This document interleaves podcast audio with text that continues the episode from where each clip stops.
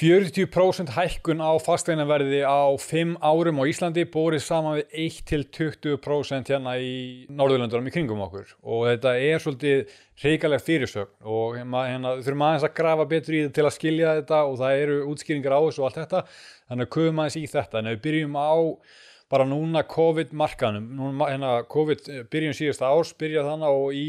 apríl fer sagt, fjöldi kaupsamninga, fjöldi seldra eignan niður í 770 cirka og síðan þá hefur þetta verið að byggjast upp og fór upp í 1580 í september. Nú það sem er aðtiklisvert að í november og desember þá var sagt, þetta var á svipuður óli 13-1400 samningar. Fjöldi samninga mingaða milli mánaða november-desember en veldan jógst og við erum að taka eftir því að að fólk er að almennt að skoða dýrareigni núna, kaupa þetta dýrareigni og það getur útskýrt af hverju fjöldi samninga er að minka og veldan er að aukast. Það er bara, það er verið að selja núna dýrari, selja og kaupa dýrari eignir. Nú við skoðum árið 2020 með bara Ísland miða við Norðurlöndin þá var uh, Svíþjóð, Danmörk og þessi lönd svona helstu í kringum okkur. Þar hækkaði fasteinaverð á þriðja ásfjörðingi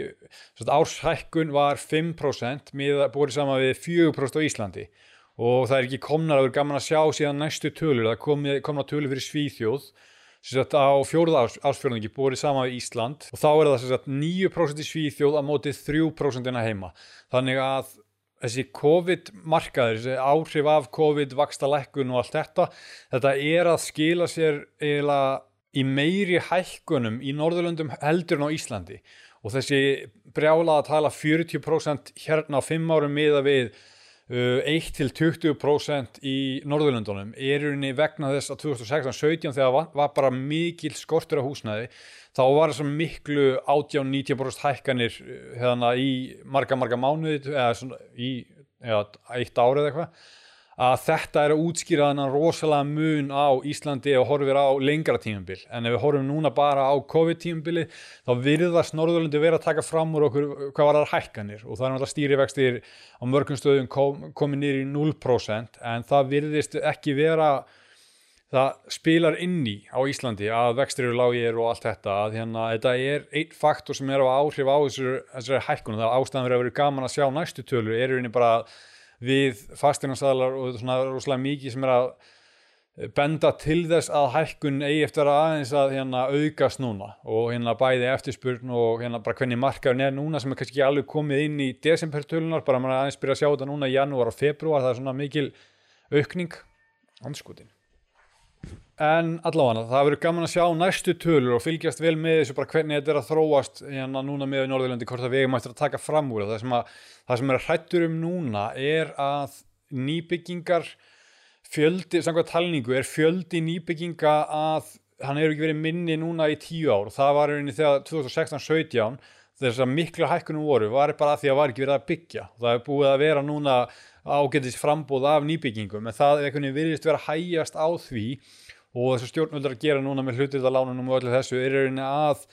reyna að örfa svolítið markaðin bara með lagri lánum, hagstæðari lánum og bara örfa markaðin þannig að við lendum ekki í þessu aftur. Að það sé hérna kvati fyrir byggingaráðal til að halda fram byggja þannig að myndist ekki þessi rosalegi skortur eftir 1, 2, 3 ár. Og ég talaði um þetta nokkur sinnum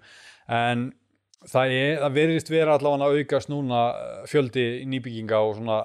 þessi nýju verkefni sem ætti að geta þá minkað þetta högg sem að uh, mögulega kemur að, hérna, að, að markaðurinn hækki svona rosalega mikið á stuttum tíma þegar, þegar eftirspunni búin að sapnast upp. En eins og staðin í dag þá er mikil umfram, umfram eftirspunn eftir öllum, öllum tegundum eigna. Og við erum að sjá að verðbili er líka hækka. Það er meiri eftirspunn eftir dýrareiknum 60 upp í 90 og 100 miljónkronar eigni sem að hefur verið svona í aðeins lagð svona fyrir allavega ári árið tveim, já síðasta, síðasta árin það verðist vera aukast mikil eftirspunn eftir svona starri, starri og dýrareiknum en það sem hefur líka áhrif á rauninni þessa hækkun á fasteinamarkaði er rauninni að út af COVID þá er virðist vera meiri sparnaður hjá fólki. Fólk er ekki að hérna, vegna þessara hérna, fjöldatakmarkana samkúmu, hvað þetta kallast allt þekkjum þetta, að þetta virðist vera að hafa þau áhrif að fólk, fólki með margi með meira meðli handana og þetta virðist vera að skila sér inn á fastinamarkaðin en þetta er allavega svona það eru nokkur, nokkur atrið sem kannski útskýra þessa hækkun sem er að myndast núna. Þannig svona til að taka það saman þá er virðast Norrlundi vera aðeins að taka fram úr okkur núna á COVID-tímum. En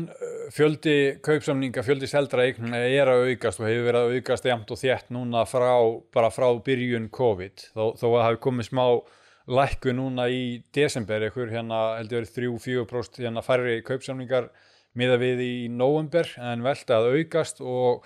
og það er mikil eftirspurn þannig að markaðun ætti að halda áfram bara á ágætis striki og svo er bara núna að vona að byggingaræðir halda fram að byggja sem að verðist vera raunin, það verðist vera eitthvað smá aukning þar.